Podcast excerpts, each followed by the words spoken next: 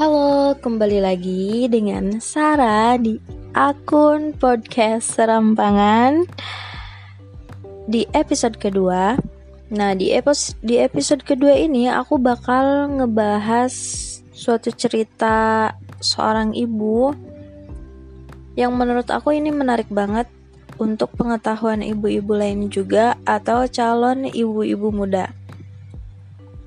Nah, jadi Cerita ini diterjemahkan oleh Azra Ismah yang ditulis oleh Sucarita Deep dengan pekerjaannya Mother, Toddler Teacher, and Aspiring Child Psychologist. Maaf ya kalau pronounce bahasa Inggrisnya jelek.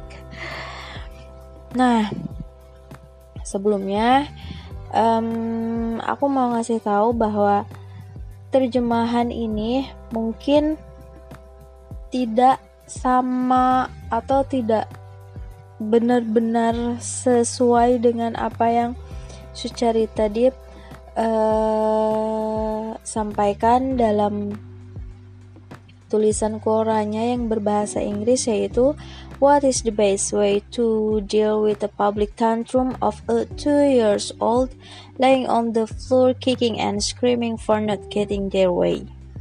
Nah, jadi Bu Sucarita Dip ini menemukan cara agar um, anaknya yang berusia 2 tahun ini tuh bisa tenang saat tantrumnya itu melanda. Kalau bahasanya seperti itu. Apa sih the best way yang dia temukan? Ya, dengan mengatakan bahwa anda tidak bisa mendengar suara mereka jika mereka berteriak. That's point. Iya, itu poinnya. Kenapa? Karena tantrum itu diidentikan dengan anak berteriak.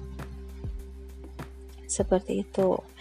Nah, kita mulai ceritanya yaitu Beliau mengatakan bahwa ketika anak laki-lakiku masih sekitaran umur 2 tahun, dia sering mengamuk di taman saat sudah waktunya untuk pulang ke rumah.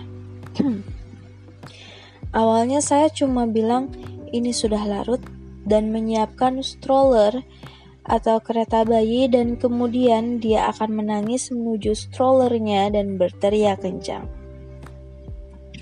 Nah, setelah beberapa hari, beliau ini mendapatkan ide bagaimana cara menyampaikan pada anaknya bahwa dia tidak bisa mendengarnya jika ia berteriak atau membuat ulah.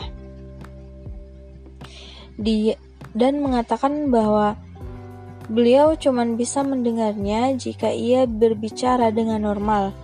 Nah, saat uh, si anak ini, anaknya ini mendengarnya, otomatis terkejut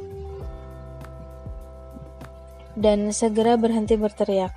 Setelah itu, setiap tantrumnya mulai kambuh, beliau memberi sinyal kepada anaknya bahwa beliau tidak bisa mendengar apa yang ia katakan dan ia segera menurunkan volume suaranya dan menjelaskan mengapa ia menangis. Beliau akan mendengarnya dan membiarkan dia mengungkapkan perasaannya melalui kata-katanya. Dengan hanya membicarakan perasaannya akan membuat ia cukup tenang untuk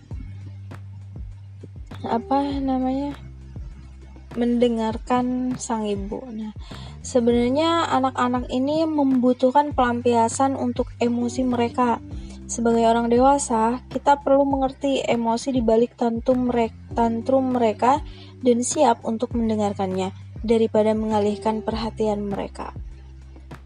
Nah, ide ini berhasil karena apa? Karena anak kecil berteriak itu untuk mencari perhatian. Jika mereka sadar bahwa teriakan tidak akan membuat mereka mendapatkan perhatian, maka mereka akan berhenti melakukannya.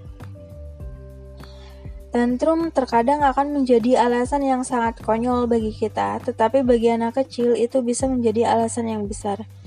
Jadi, mendengarkan perasaan mereka adalah hal yang penting untuk hal yang penting untuk perkembangan mereka juga.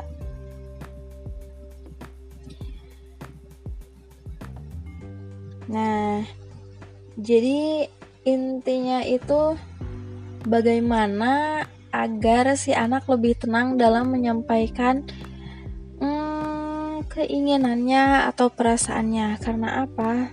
E, di zaman-zaman sekarang ya, kebanyakan orang tua itu memberi kayak pengalih perhatian, misal jajan, gadget atau apa atau apa. Nah, kalau kayak gini sebenarnya lebih lebih baik ke anaknya sih karena pertama anaknya bisa lebih tenang. Terus dia belajar untuk men apa namanya? menyampaikan pendapat mereka, bagaimana perasaan mereka dan bagaimana uh, menjelaskan ya menjelaskan perasaan mereka itu lebih baik sih ya seperti itu jadi intinya emang anak tantrum itu mencari perhatian biar dia diperhatiin kayak gitu. Nah untuk episode kali ini cukup dulu. Hmm. untuk yang punya kritik atau komentar atau punya saran bisa bisa lah DM di Instagram atau di mana. Aku soalnya baru baru pertama ini um, main apa namanya podcast. Jadi kalau ada saran atau kritik mohon di terima kasih